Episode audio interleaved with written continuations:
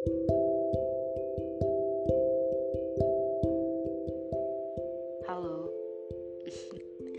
Masya Allah banget responnya dari teman-teman. Aku nggak expect banget bakalan seantusias ini. Uh, aku jadi nggak enak nih narbitin podcast yang asal-asalan kemarin tanpa skrip, direcordnya malam-malam, tanpa persiapan, sambil rebahan pula. Mungkin itu juga yang jadi pembahasannya. Tapi so far masih oke okay lah ya. Masih bisa didengarkan. Sekali lagi makasih banyak untuk respon-responnya dan uh, ada beberapa juga yang ngasih saran buat ke depannya. Makasih. Aku juga mau sharing mengenai hal apa saja yang mungkin teman-teman juga ngerasain hal yang sama uh, dengan tujuan agar kita semua nggak ngerasain sendiri podcast kali ini aku cukup berniat kok dengan menulis skrip yang mungkin uh, ke depannya bakal agak jelas ya aku ngomong apa gitu. Terus um, oh iya di recordnya ini nggak sambil berbaling lagi kok. Sambil duduk kok ini niat banget. Selamat mendengarkan. Oke malam ini aku punya satu pertanyaan. Coba sebutkan satu nama yang terlintas di otak kalian ketika kalian merasa sedih atau cemas. Aku hitung sampai lima. Satu, dua, tiga, empat, lima. Udah? Oke, keep ya.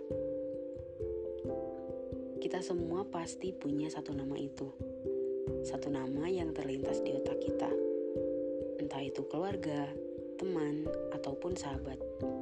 Yang jelas, pasti orang tersebut adalah orang yang penting buat kamu, kan?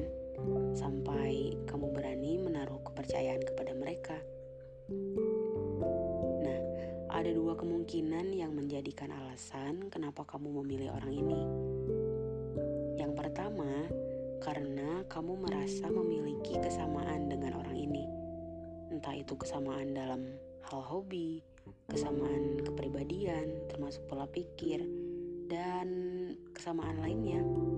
Sehingga kamu bisa merasa, ih ini nih orang yang sefrekuensi sama aku. Dan yang kedua, kamu memilih orang ini berdasarkan adanya perbedaan. Baik itu dalam hal hobi, kepribadian, dan banyak aspek lainnya yang tadi pernah aku sebutin. Tapi di sini kamu dan dia saling menerima dan mampu menghargai setiap perbedaan dari diri kalian masing-masing.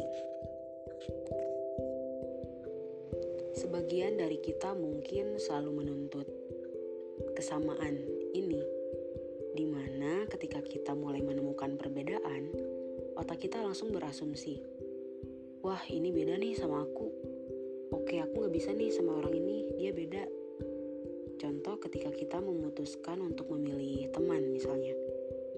Sebagian besar orang memilih circle pertemanan berdasarkan kesamaan, meskipun ini tidak semua.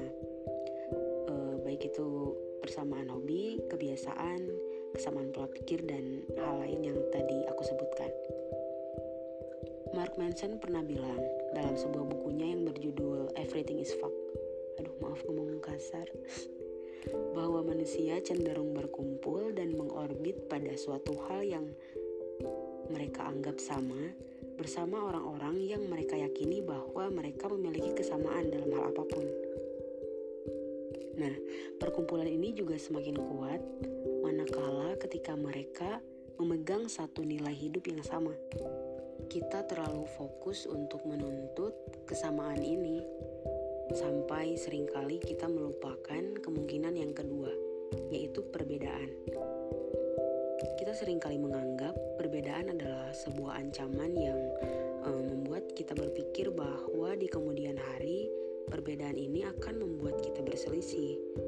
Padahal, menurut Mark Manson, cukup kita yakini saja bahwa perbedaan itu normal dan poin penting di sini adalah saling menghargai.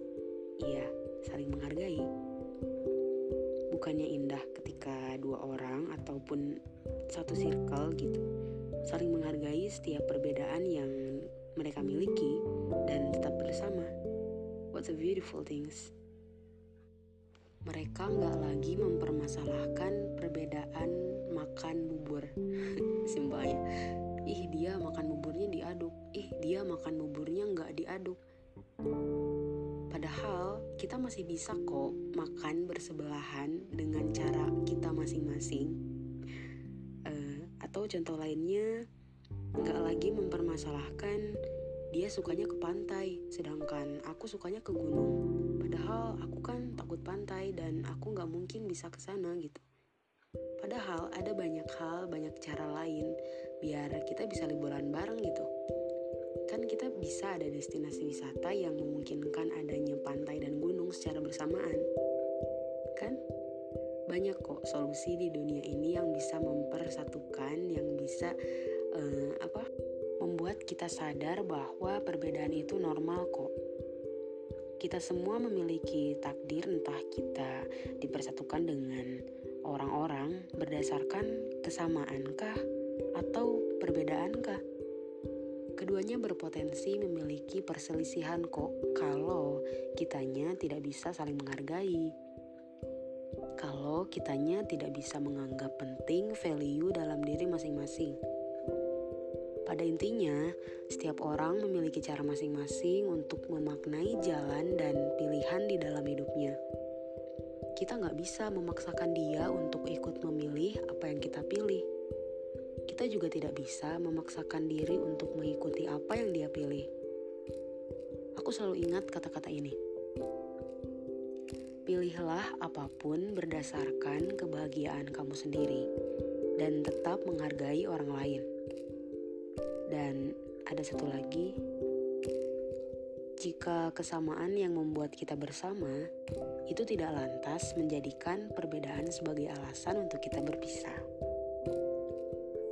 Itu kata-kata siapa, tapi cukup ampuh untuk membuat aku sadar bahwa dengan cara apa pun proses aku bertemu orang, baik itu berdasarkan kesamaan atau perbedaan, aku bakal tetap menganggap bahwa ini adalah suatu momen yang pantas aku kenang.